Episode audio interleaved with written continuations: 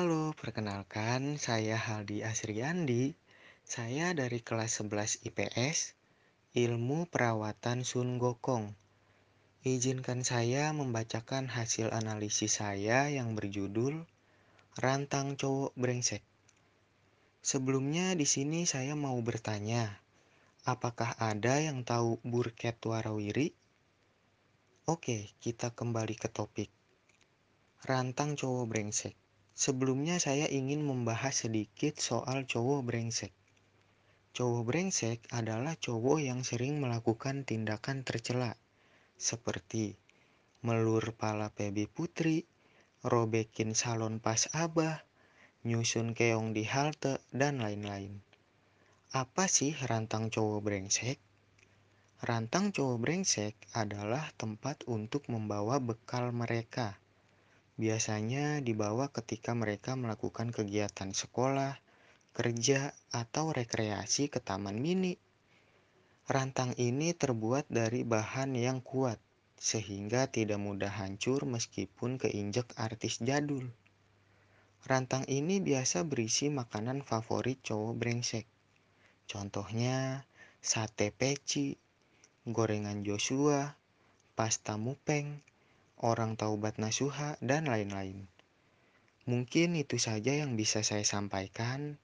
Jika ada yang kurang, saya mohon maaf.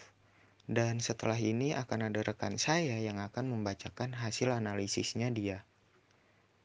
Oke, begitu saja. Terima kasih. Wassalamualaikum warahmatullahi wabarakatuh.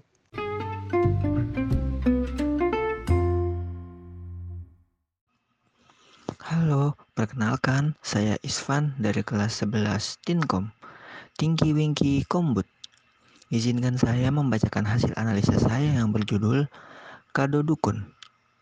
Setiap orang pasti mempunyai tanggal lahir, begitupun dengan dukun. Ya, dukun memang jarang ngerayain ultah, soalnya nggak suka dikasih surprise-surprisean. Selain itu, dukun juga benci diceplokin malam-malam. Selain karena amis, Dukun juga males mandi malam, takut kena Parkinson. Dukun juga jarang dikadoin, biasanya diucapin HBD doang. Tapi tak jarang ada orang yang ngaduin dukun. Biasanya tuh orang-orang yang ngaduin dukun berupa biang landak, kacamata Korea, lidi-lidian kagak pedes, atau stick PS2. Selain itu, dukun juga sering nutup-nutupin kalau dia lagi ultah. Tapi biasanya sih hari itu dia happy mulu. Jadi kalau kalian lihat dukun happy, langsung tebak aja zodiaknya biar dia kaget. Gak semua dukun yang begadang itu lagi ritual.